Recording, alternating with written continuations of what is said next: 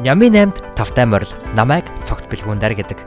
7 хоног болгоо миний бие эсвэл хүндэт зочин маань өөрийн мэдсэн, ойлгосон, ухаарсан зүйлсээ хуваалцсан тантай өчигдрийн түүхээр өнөдөр холбогдож маргаашин тань амьдралд хамт олохыг зорддог үлээ.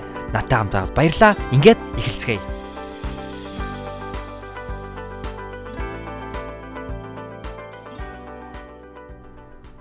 Сайн байцгаана уу энхүү Нямин 8 подкастын маань 38 дугаар дугаар эхлэх гэж байна. Тэгээ энэ удаагийн дугаар маань урд урдынхаас арай ондоо. Ер нь арайч биш нилээд ондоо. Тэгээд магадгүй хамгийн төлөвлөөгүй а магадгүй хамгийн анх удаа Нямин 8 подкаст маань өнгөрсөн 6 сар хагас жил гаруй хугацаанд гарах хугацаанд хамгийн анх удаа хийх энэ 7 хоног үнжих гэж байснаа болоод би ер нь хийхээр шийдэд хийж байгаа ийм дугаар байна.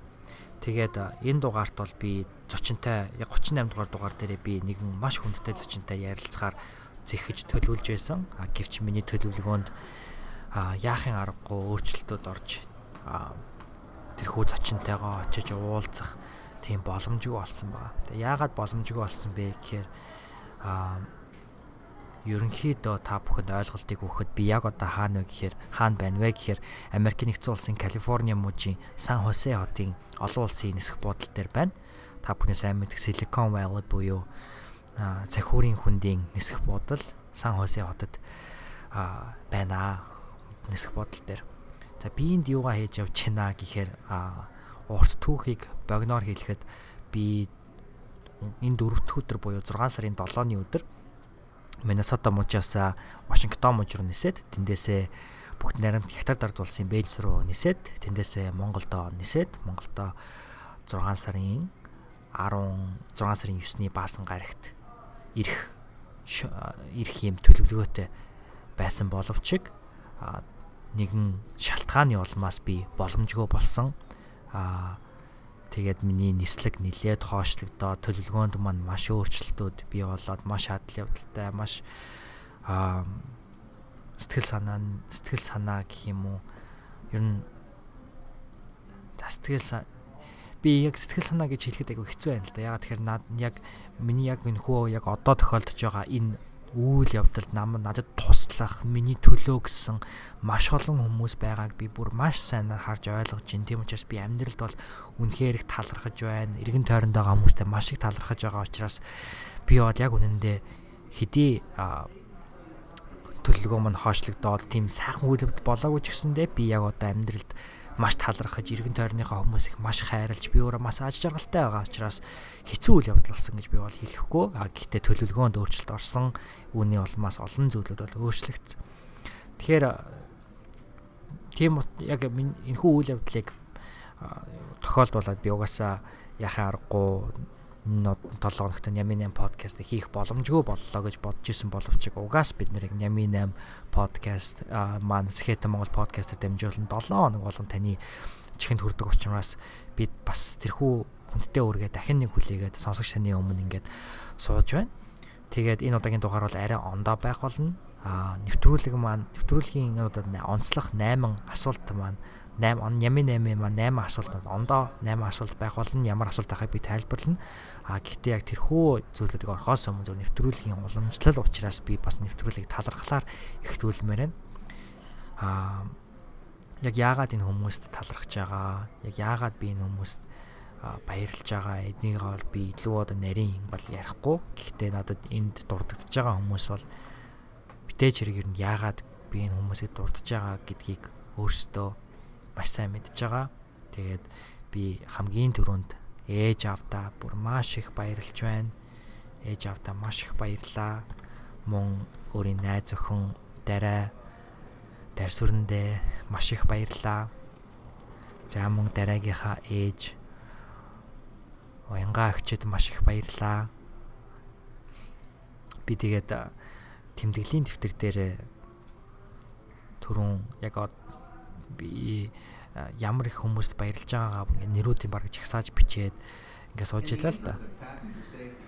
Тэгээд би юу гэж бичсэн бэ гэхээр зүгээр дараагийн ээж хуянгаа агч гэж биччихээд хашлтан дотор би ирээдүйн хатам ээжтэй гэж биччихсэн. Би дараадаа маш их хайртай.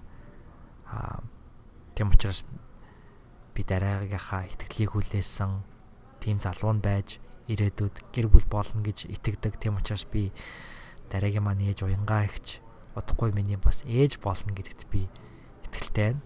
Тэгээд аа тийм учраас тэгээ биччихсэн. Тэгээ надад маш том тус хүргэсэн. Сүүлийн 2 хоног, сүүлийн 3 хоногт бүйл явдалт маань маш том тус хүргэж надад маш том сэтгэл санааны ямар амгалан байдлыг бэлгэлэхэд бол маш том тусламж үзүүлсэн учраас би маш их баярлж байна. За мөн би өөрийн найз Анхаа гэд найзтай маш их баярлж байна. Надтай хамт Миннесотагийн их сургуульд сурдаг Анхаа гэд найзтай маш их баярлж байна. Мөн Анхаагийнхаа найзуудтай бас найзуудад нь бас их баярлж байна. Яагаад гэдгийг нь мэдж байгаа. За би яг түрүү хэлсэн онгоцны бодолтой байгаа учраас энэ арт гинт гинт иймэрхүү а background noise чимээ яриа бол их орж их учраас хөлцөл үчиж байна. За мөн би тайвнада, маргадда, тулгаад, буяад, аагид гэд найзуудтай маш их баярлж байна. Яагаад гэдгийг энэ хүмүүс бас мэдж байгаа. Мэргэндээ баярлалаа. Амсаагийн тэргүүн халуунаад баярлалаа. Аа бас нэгэн хамгийн чухал хүмүүсийн нэг бол миний үеэлэгч Камила мөн үеэлэгч маань ээж миний наагцэгч а инх туяагч ингээд энэ хүн болгонд би маш их баярлаа. Тэгээд яахын аргагүй сүүлийн 3 хоног бол миний хувьд бол маш урт удаан 3 хоногд болж өнгөрч байна. Тэгээд амьдрал төлөвлөөгүй маш олон зүйлсүүд ингэж гинт гинт гарч ирдэг нэг сонирхолтой юм. Аа гэтээ үнэхээр би эндээс юу харж байна гэхээр чамааг хайрладаг ийм хүмүүс байхад амьдрал ямар баян байж болдгийм бэ гэдгийг би эндээс харж байна. Үнэхээр хүний амьдралд юу ч тохиолдож болно те. Гэтэл чамд туслах, чамд хань болох тийм хүмүүс байгаад тэр хүмүүсийн хайрыг хүлээж авч чадж байгаа. Хүлээж авбал амьдрал ямар баян бэ? Энэ хүнд хэцүү зүйл болсон ч гэсэндэ эргээгээд таны сэтгэл санаа амар амгалан байдлыг энэ хайр гэдэг зүйлөөрөө нөхөж өгдөг ийм агуу зүйл гэдэг юм байна. Би тэгээд маш их баярлаа гэж энийг сонсож байгаа. Сонсогч нэг бүртээ маш их баярлж байна. За тэгээд надад тусалсан би магадгүй нэрийг нь дуртахаа мартсан хүмүүсээс байж магадгүй яагаад тэгэхээр түрүүн хэлсэнчлэн маш урт хоног өдөргөжилж байна.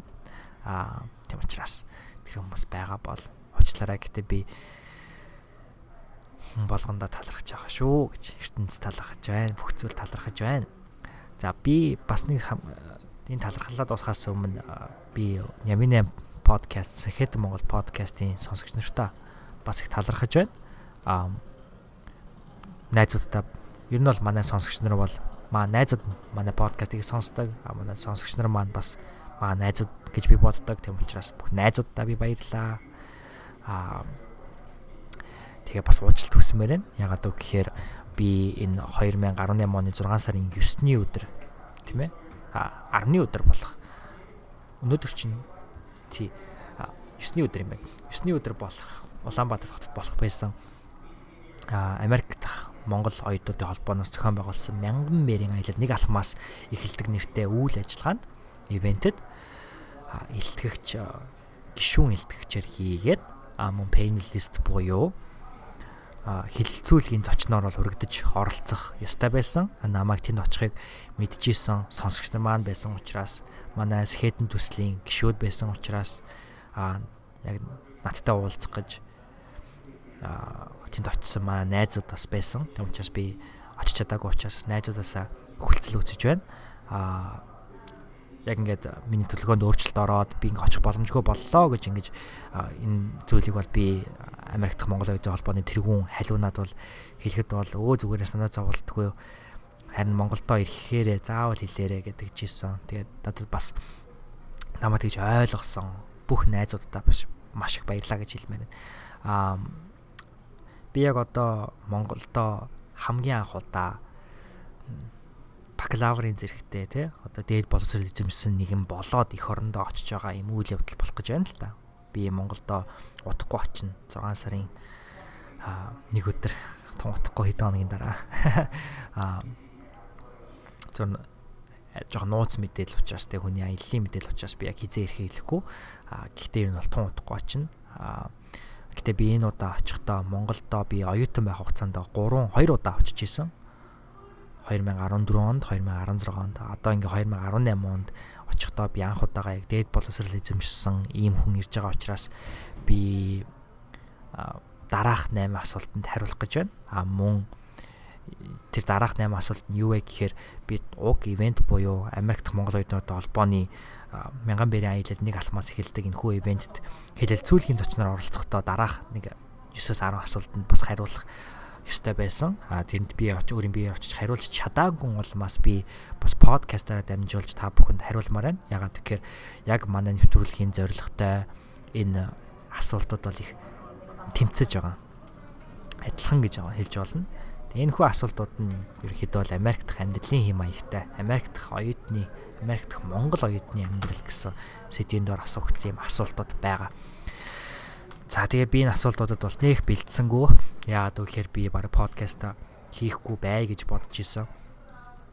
Хаан худаа үнжи гэж бодож исэн. Тэгээд та бүхнийгаа хүндлээд үнэхээр би бас Сэхэт Монгол подкаста Яминэн подкаста зогсоохгүй тулд нэг ч ихсэн удаа үнжүүлэхгүй тулд хий гэж бодоод За мөн хамгийн анх удаа Монголдо яг их сургууль төгсөө дээд боловсралтай нэгэн болоод ирж байгаа учраас миний Америкт гоёдны амьдрал яг амьдралын хэм маягийн хувьд ямар байсан талаас нь асуултуудад нь хариулаад а мөн амсаагаас зохион байгуулсан тэрхүү ивент очиж чадаагүй учраас та бүхнээсээ хүлцэл өчээд тэрхүү хилцүүлэг дээр надаас асуух байсан бид бүхнээс асуугаад би хариулах байсан тэрхүү асуултуудаас 8-ыг сонгоод би хариулъя гэж бодож байна. Аа түр хэлсэнчлэн нэг сайн бэлтгэл хийгээгүй. Яг чин сэтгэлээсээ яг энэ суугаад ямар нэгэн засалтгүйгээр шууд ингээ хариулаад явах болно.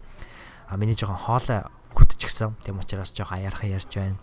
Иргэн тойронд бас онгоцны бодол учраас хамаагүй чанга ярьж болохгүй. Тэм учраас та бүхэн маань ойлгоноо гэж итгэж байна. Аяархан ярьж байгаа л. За тэрхүү илцүүлэг дээр асуух гэж байсан. Асуух, асуусан тийм ээ би хариулж чадаагүй тэр асуултуудын нэгдүгээр асуулт нь анх Америкт кампус дээр очиход төрсэн сэтгэлдээ хуваалцааж гэж байна. За хэд хоногийн өмнө би Америк дахь Америк найзуудтайгаа хоолнд орж исэн байхгүй юу?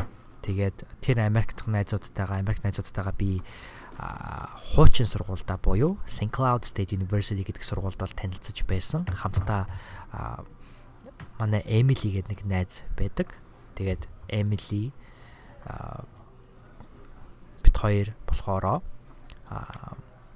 бусад манай сургуулийн олон улсын харилцааны мэрэгчлээ сурдаг хийгээд олон улсын харилцаанд сонирхолтой оюутнуудын хамт Нью-Йорк хотод очиж 7 хоногийг бол өнгөрүүлж яасан. Тэгээд тэрхүү 7 хоногт бол бид бүхэн Нью-Йорк дахь нэгдсэн үндэсний байгууллагын янз бүрийн салбар төлөөллүүдийн ажилчдтай уулзаж хилэлцүүлэг өрнүүлж асуултууд асууж байснаас гадна Европын холбоо, Иран, Египт, Кenya, Йордан гих мэтчлэн янз бүрийн улс орнуудын нэгдсэн үндэсний байгууллагт суугаа элчин сайд төлөөлөгч ажилчдтай уулзаж бол байсан ийм гайхалтай үйл явдал тэгээ тэрхүү үйл явдлаар дамжуулан би анх Эмилитэй танилцж байсан. Тэгээ би яг Эмилитэй ингээд Эмили болон түүний найз залуу. За тэгээд надтай хамт тэрхүү Нью-Йорк явах аялалд явж исэн. Надтай бас яг энэ жил хамтдаа төгссөн.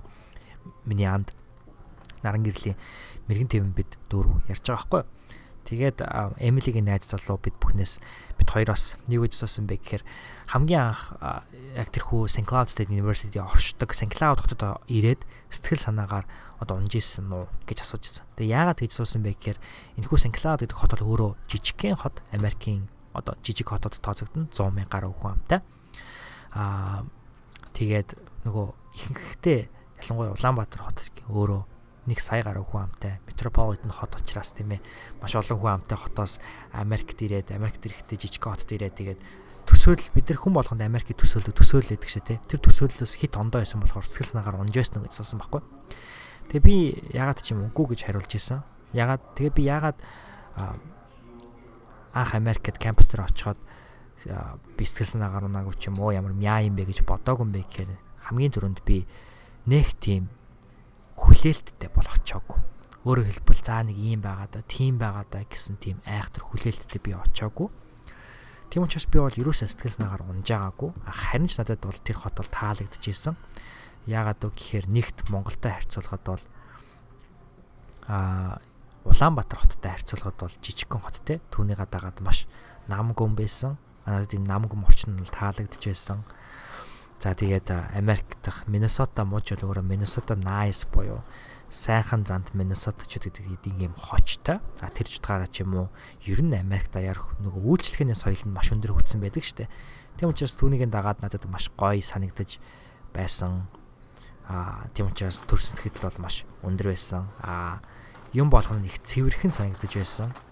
Их юмаа цэвэрхэн барилга байгууламжууд нь гаднаасаа ч тэр дотроосоо ч тэр байнгын цэвэрлж угаасан зүлэг ногоогоо байнгын тэгшилдэг маш сайн бордоогоор борд борд борддог те fertilize сайн хийдэг маш ногоон. Тэгээд түүнээс гадна одоо хөгжлийн бэрхшээлтэй хүмүүсийгээд янз бүрийн одоо хүмүүс тийм ээ хамтдаа нэгэн дор амьдрах тэрхүү боломжийг нь тэрхүү нөхцөл байдлыг нь бий болгоцсон надад маш их таалагдж исэн. Тийм учраас хамгийн анх Америкт ирэх бол төрсэн сэтгэл бол надад би өөрөө тийм их зүйл хүсэн хүлээж байгаагүй гэж юм уу ийм хүлээлттэй байгаагүй учраас надад би миний анх ирсэн сэтгэл их гоё юм болов гэж боддог. Тэгээд байгаль нь Миннесота бол өөрөө яах юм маш гоё ногоон байгальтай. Төв нь 10 төв 10 түмэн 10 10000 lakes буюу 10 түмэн нуурын нутаг гэдэг хочтой маш гоё тийм маш олон нууруудтай юм газар чиглэг газар учраас маш сайхан санагдчихсэн. Тэгээ манх Америкт ирсэн сэтгэл бол маш тийм өндөр байсан. Аа энэ асуулт нөөрэ кампус дээр очиход төрсэн сэтгэлээс хуваалцааж гэж байгаа учраас би бас аа яг өөрийнхөө сурч төгссөн сургууль болох University of Minnesota буюу Minnesota-гийн их сургууль дээр ирж исэн сэтгэлээ бас би энд тальд дуртахыг бол хүсэж байна тэр сэтгэл бол маш өндөр байсан. Бас яагаад вэ гэхээр Миннесотагийн их сургууль бол өөрөө Америкийн нэгдсэн улсад хэмжээгээр дөрөвт ордог маш том кампустай. А Америкт гэлтгүй ер нь дэлхийн хамгийн том кампустай сургуулиудын нэг а барилга байгууламжууд нь маш өндөр, маш сүрдэм тийм газар байсан учраас би бол маш гой санагдаж байсан. А тийм учраас сэтгэл маш өндөр. А би тэгээ энэ хүрээд асуултыг нь хариулсан гэж тооцмоор байна. Яагаад вэ гэхээр би та бүхэнд бүр гоё нэг хариулт бэлдсэн байгаа нь юу гэхээр та яг одоо Instagram-аа нэгээд амсаа гэд AMSA гэж бичих юм бол амсаа цэг омаах гэд хаяг байгаа. Тэр хаяг дээр Америкт Монгол үеийн хаяг дээр story highlights дунд нь U of M гэд шар өнгийн зүрхтэй нэг юм хайлайт байгаа. Тэрийг үзэх юм бол та яг манай сургуулийн кампусаар аялах тийм virtual аялал байгаа учраас тэрхүү аяллаар бас та аялах боломжтой. Тэгээд тэрнээс та бүхэн бас өөрсдийн гэсэн манай сургуулийн талаарх, манай мужийн талаарх тийм онцгой сэтгэгдэл мэдрэмжүүдийг авна гэж би бол итгэлтэй байна. Тийм. За дараагийн асуултнаас би болохоор энэ асуултыг сонгомоор байна. Энэ нь болохоор өдөр тутмын амьдралд гарах бэрхшээл гэсэн байна. Аа ерөнхийдөө Америкт ирээ 4 гаруй жилийн хугацаанд суралцж байхад бол одоо эхний нэг жилд өдөр тутмын амьдрал гарч исэн бэрхшээл нэг ондоо тий хоёрдугаар жилд гарч исэн өдөр тутмын амьдралын бэрхшээл нэг ондоо гуравдугаар жилд нэг ондоо дөрөвдүгээр жилд нэг ондоо гэх мэтчлэн байдаг аа тийм учраас энэхүү подкастыг ихэвчлэн Америкт сурахаар зэхэж байгаа хүмүүс сонсож байгаа гэж бодоод хамгийн анх ирээд туулж исэн бас өдөр тутмын амьдрал гарч исэн бэрхшээлүүдийг бодох гэж үзье. За би хамгийн анх нэг юм санд юм а. Subway гэдэг сэндвичний юу байдаг штэ. Одоо франчайз буюу түргэн олны газар. Тэгээд би хамгийн анх удаа Subway ороод сэндвич захиалахаар болвоо. Тэгээ надаас тэр сэндвичний худалдагч нь англиар ямар талх авах уу гэж асуусныг нь би ойлгоогүй. Тим гэж хариулсаахгүй. Yes гэд. Тэгээ нөгөө хүн чинь ингээл гайхал одоо хараад исэн. Тэрнээс бол би амар иччихсэн. Би энэ түүхийг бол ингээд хүмүүс их ярьдаг. А гэтээ тэр үед бол би хамир ингээд эвгүй байдалд орж исэн. А тэгээ би яг энэ түүхийг ингээд Америкт хамт сурж байгаа, Америкт сурж исэн хүмүүст ингээд ярихаар хүм болох нэг иймэрхүү төрлийн надтай төстэй янз бүрийн хөвгтэй инээдтэй байдалд бол орж исэн байгаа байхгүй. А Тийм учраас хамгийн анхны одоо яг өдөртмийн амьдрал гарч ирсэн бэрхшээл бол мэдээж хэрэг сонсох байсан, ярих байсан, ойлголцох байсан. За тэгээд Америкууд айгуу тийм хөнгөн онгоонуудад бас их инээдэг. Тэр онгоонуудыг ингээд ойлгодоггүй юуд бас байх жишээний нэг тийм байсан. Тиймэрхүү хөвгтэй юмнууд байна. Гарч исэн бэрхшээл тийм юм байна. А хичээл дээрээ болохоор бас адилхан сонсох их бэрхшээл бол тулгарч байсан. Хичээл уншаад ойлгох тийм бэрхшээлүүд. а ялангуяа Америкт бол дан Америкууд дан одоо Европоос ирсэн тийм ээ. Одоо Америкт хідэн үеэрээ амьдэрсэн хүмүүс хичээл заадаггүй. Заримдаа Америкт Америкийн naturalized citizen буюу яг одоо өөр улс орноос ирээд иргэн болсон хүмүүс байна. Одоо зочин профессорууд байна. Тийм учраас одоо гадаад нь англи биш, англи хэл биш. Гэхдээ хоёр дахь хэл нь англи хэл багш нар профессорууд бол маш их байдаг. А зарим нь бол их аялгатай байдаг. А тэдгээр профессоруудын аялгыг одоо ойлгох ч юм уу тийм ээ. Тийм бэрхшээлүүд маш их гардаг. А гэхдээ Америкийн гоё юм нь профессор болгон багш болгон өөрсдийн гэсэн office hours буюу оюутнуудтайгаа тусдаа уулзах тийм цагтай байдаг. Тэр цагаар нь очиод уулзаад асуух асуултууд байвал асууж болдог надад маш сайн гоё санагддаг аа. За дараагийн нэг асуулт нь хэр их Монгол оюутан Монгол хүмүүс байдаг вэ гэж суусан байна. А энд би товч хариулахад бол Миннесота мужи бол өөрөө их монголчууд цөөхөнтэй. Сүүлд миний садж байгаагаар хүмүүстэй ярьж байхад бол Миннесота мужидыг ойролцоогоор 100 орчим монголчууд байдаг гэж тэгж байсан. А манай сургуульд болохоор а сүүлийн одоо 2017 оны хувьд жилд бол нэг 20 орчим монгол оюутнууд бол байсан байгаа гэж. За дараагийн асуулт нь болохоор анх очиод дотор байранд байсан уу өөрөө байр хөлслөж амьдрсан уу аль нь дээрвэ давуу болон сул талууд гэж асуусан байна. А би өөрөө ерөөсөө дотор байранд амьдарч үзээгүй. Тийм учраас аль аль талынхын давуу хийгээ сул талуудыг бол шууд хэлэхэд бол хэцүү хамгийн анх би ирээд а анхны коллеж дооч тэр дараагийн коллеж дооч тэр бусад монголчуудтайгаа хамтраад байр хөлсөлж байсан а зүгээр Тэгээд яг доормд буюу одоо дотор байранд амьдардаг хүмүүстэй ингээ ярилцж байхад бол давуу тал сул талууд нь юу вэ гэхээр а за та одоо ингээд байр хөлслөөд амьдрах юм бол нэгт маш их эрх чөлөө танд ирнэ. Ягаад үг гэхээр ихвчлэн байр түрээ түрээ хөлсөлж амьдарч байгаа бол та тусдаа өөрийн гэсэн өрөөтэй байдаг. За тэгээ өөрийн гэсэн өрөөтэй гэдэг чинь өөрийн гэсэн тийм хувийн орон зайг бий болгож чадна шүү дээ. За өөрийн гэсэн өрөөгөө бас яг хүнтэй өрөөгөө хамтарч хөлслөх тохиолдол бол маш олон байдаг. Тэр ч гэсэн зүгээр. Ягаад гэвэл ихэвчлэн оюутны дотор байрууд болохоор хамгийн хямдхан одоо сонголтууд нь болохоор нэг өрөөнд хоёулаа ч юм уу хоёроос дөрвөлээ байдаг. А гэхдээ маш жижиг өрөөнд а хэрвээ та байр хөлсөл гадуур хүнтэй хамт нэг өрөөг одоо хувааж төлвөл арай жоохон том өрөөнд бол хувааж төлнө. А дээрээс нь танд өөрийн гэсэн гал тоогоо, өөрийн гэсэн 0 тийм ээ өөрийн гэсэн бас өөр ховийн орон зайнууд бий болох нь давуу тал юм болов. Яагаад гэвэл оюутны байранд амьдарч байгаа тохиолдолд бол мэдээж хэрэг танд өөрийн гэсэн зочны өрөө, танд өөрийн гэсэн галын өрөө гэх зүйлүүд байхгүй шүү дээ. Аа ерөнхийдөө ихэнх тохиолдолд бол галын өрөө, бааны өрөө буюу галгын өрөө гэх мэт өрөөнүүд бол ингээд дандаа бусад оюутнуудтайгаа хамтарч одоо шеэр хийх буюу хамтран хэрэгэлдэг учраас жоохон хүндрэлтэй асуудал бол тэрэндээ байдаг бах.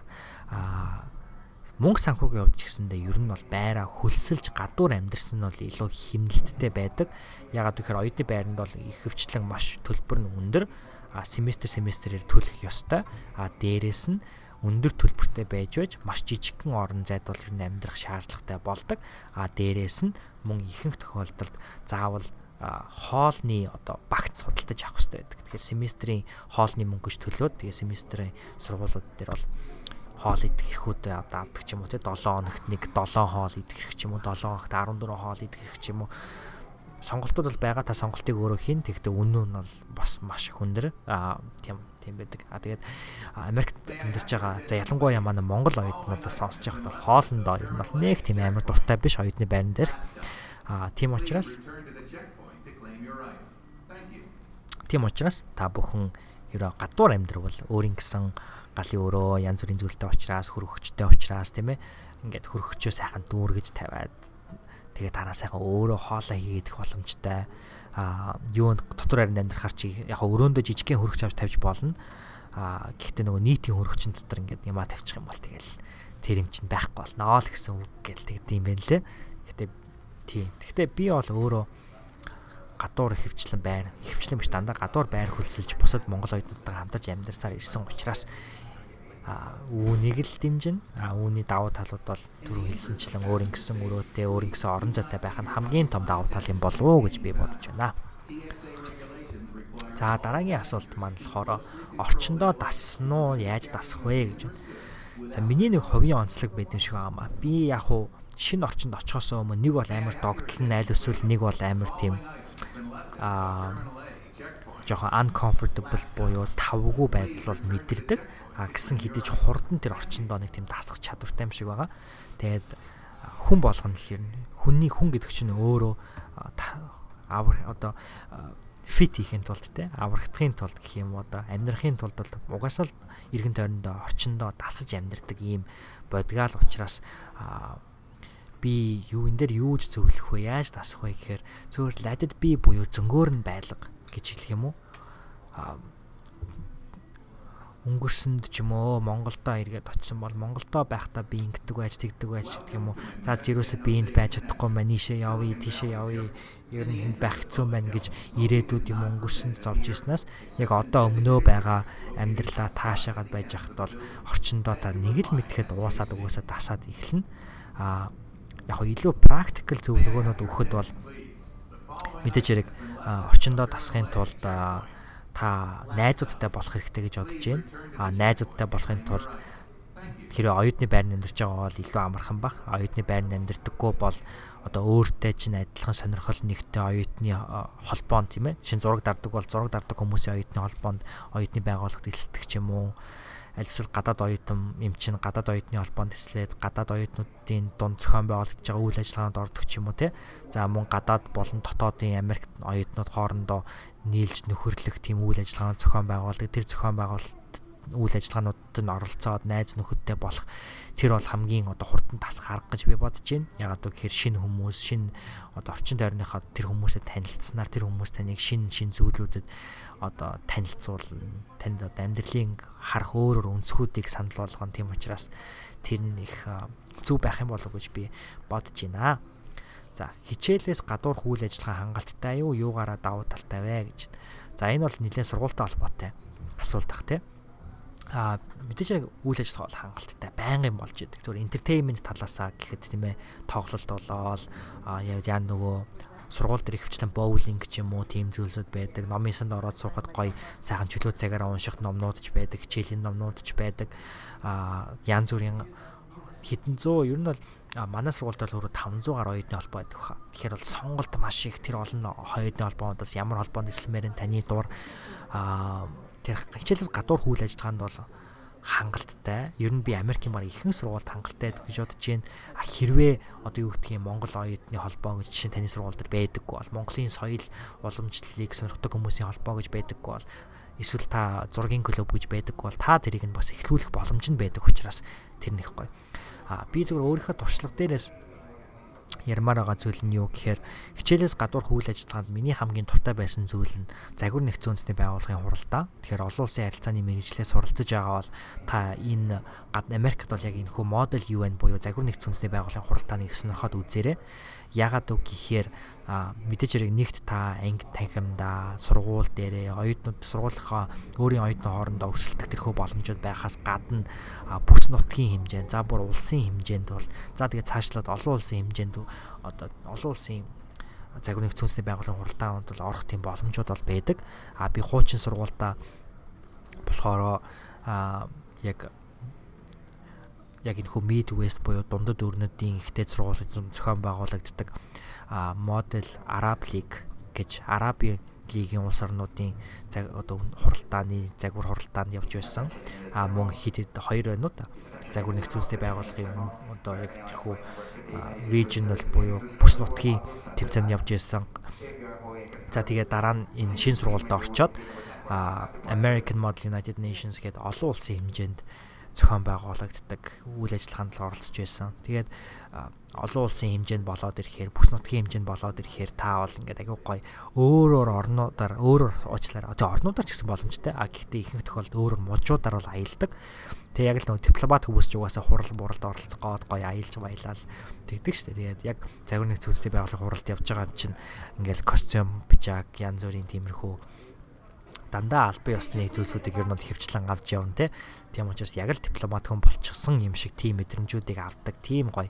За тэгээд бусад янз бүрийн улс орнуудын талаар сурна, янз бүрийн өөр өөр сургуулийн оюутнуудтай танилцсан. Яг энэ хүү загвар нэгц үндэсний байгууллагын хурлаас бол сурах зүйл маш их байдаг учраас үүнийг би санал болгоё. За сүүлээсээ хоёр дахь асуулт болохоор оюутан профессорын хоорондох харилцаа гэж байна.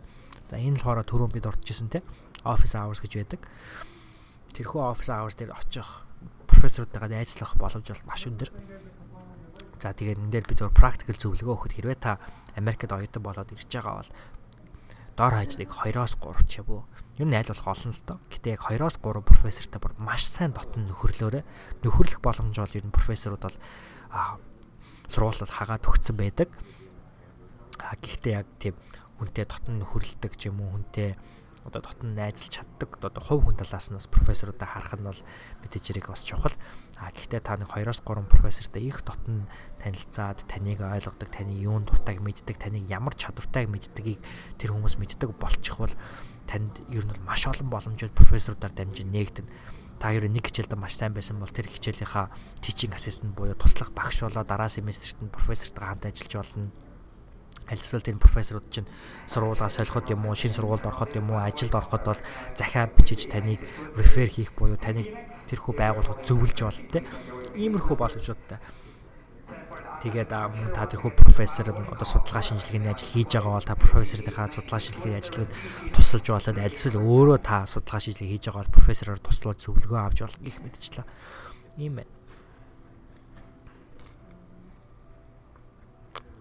За тэгээ би энэ удаагийн дугаараа нэх удаа гэж угаасаа бодохгүй байгаа. Тэгээ миний хоолой жоох өвдсөн байгаа учраас 30 минут хагас цаг ярьчихсан чи хоолой бүр өвдөд хорсоод бүр айхтар хэцүү байна. Тэгээ учраас хамгийн сүүлийнхээ асуулт руу ингээ оръё. Тэр нь болохоор суралцсангаа ажил хийж өслөө.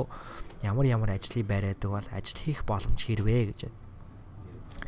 За би өмнө нь 50 натай ярилцж байсан.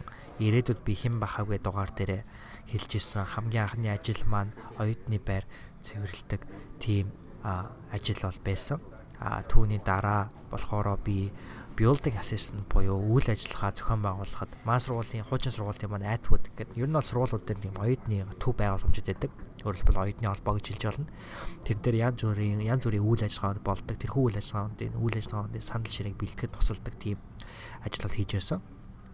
Тэгээд тэрний дараа би бүр амар дуртай ажил ажилласан. Бараг миний мөрөөдлийн ажил сургууль дээр хийх юмсан гэдэг.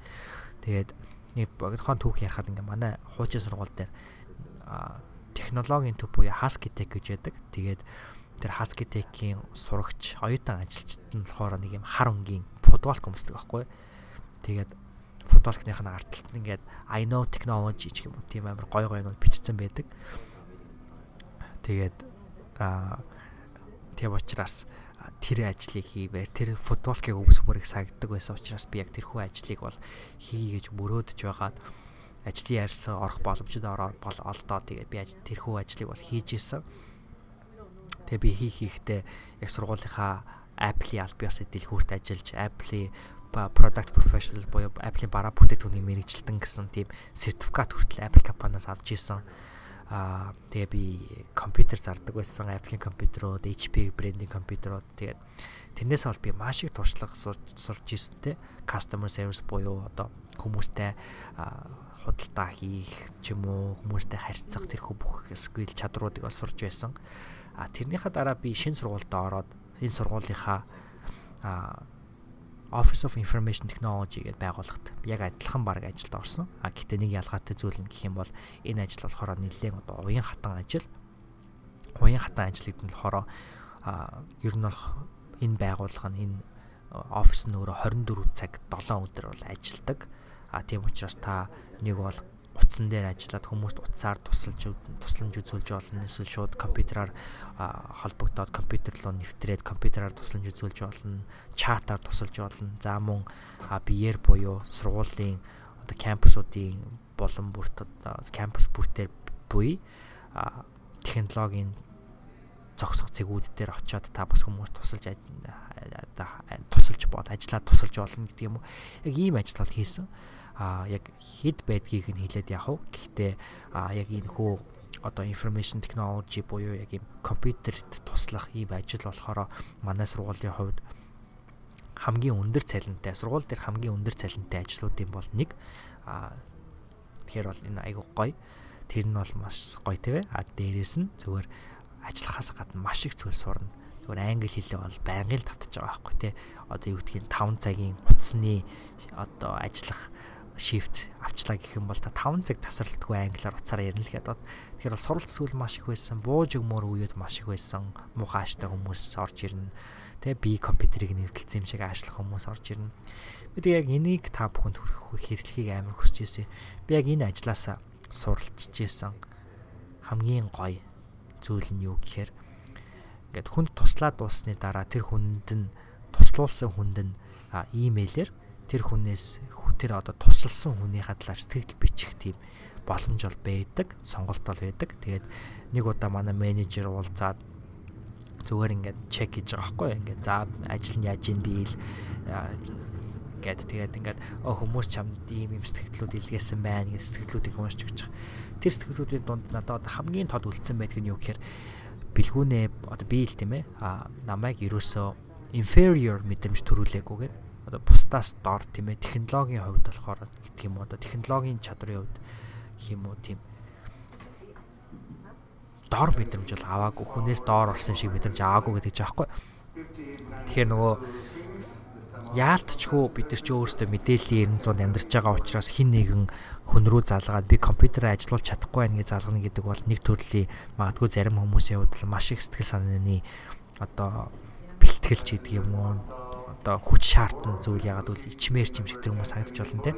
А би тэр хүнд болохоор өө зүгээрээ одоо юу гэдгийг нэг мэдхгүй байж болно штэ гэдэг хандлагаар тэр хүнд хандсан гэж надад одоо тэрийг яг яг тэгж хэлээгүй ч гэсэн яг тиймэрхүү утгатай зүйл битсэн байсан нь надад маш амьдралын том нэг хичээл үлдээсэн юм санагдсан. Тэр нь юу гэхээр та ямар ч сэдвт одоо хамгийн мундаг нь хамгийн чадварлаг нь байсан ч гэсэндээ хизээж бусдыг хин нэгнийг тэр одоо зүйлд чадргүй ч гэсэндээ одоо тэр хүнийг өөрөөсөө дор үзэж тэр хүнийг тэр улам тэр дор мэдрэмжийг нь бүү тэр дор гэсэн өөрөөгөө голсон тэр мэдрэмжийг хэнийг нь хизээж битгий төрүүлээрэ а танаас ирээд энийг яаж ингэдэг юм болоо яаж хийдэг юм болоо гэж асууж чадаж байна гэдэг чинь өөрөө тэр хүнээс гарч байгаа маш том зориг учраас мөн таныг сонгоод асууж байгаа учраас тэрхүү асуултанд чин сэтгэлээсээ хариулаад тэр хүнд туслах их сэтгэл байх нь маш чухал юм болов уу гэж би түүнээс хойш их боддог болсон. Тэгээ тэр ч утгаараа намайг яг энэ хүү хилэлцүүлэгт Америкт Монгол оюутнуудын холбоос зохиолсон энэ хүү хилэлцүүлэх зочноор ороод ороод хилэлцүүлэгч болооч ээ гэж урилга тавьсанд нь би очиж чадаагүй. Гэтэ намайг сонгосон гэдэг утгаараа би түүнийг нь бас хүндлээд намайг сонгосон чинь гээд би энэ асуултуудад ийм товч бөгөө тодорхой хариулахыг хүслээ. Аа Тэгээ энэ удаагийн дугаар маань бусдаас арай жоохон ондоо байна гэж хэлж ирснараа арай жоохон ондоо байсан ба. Яагаад гэдгийг та бүхэн мэдсэн.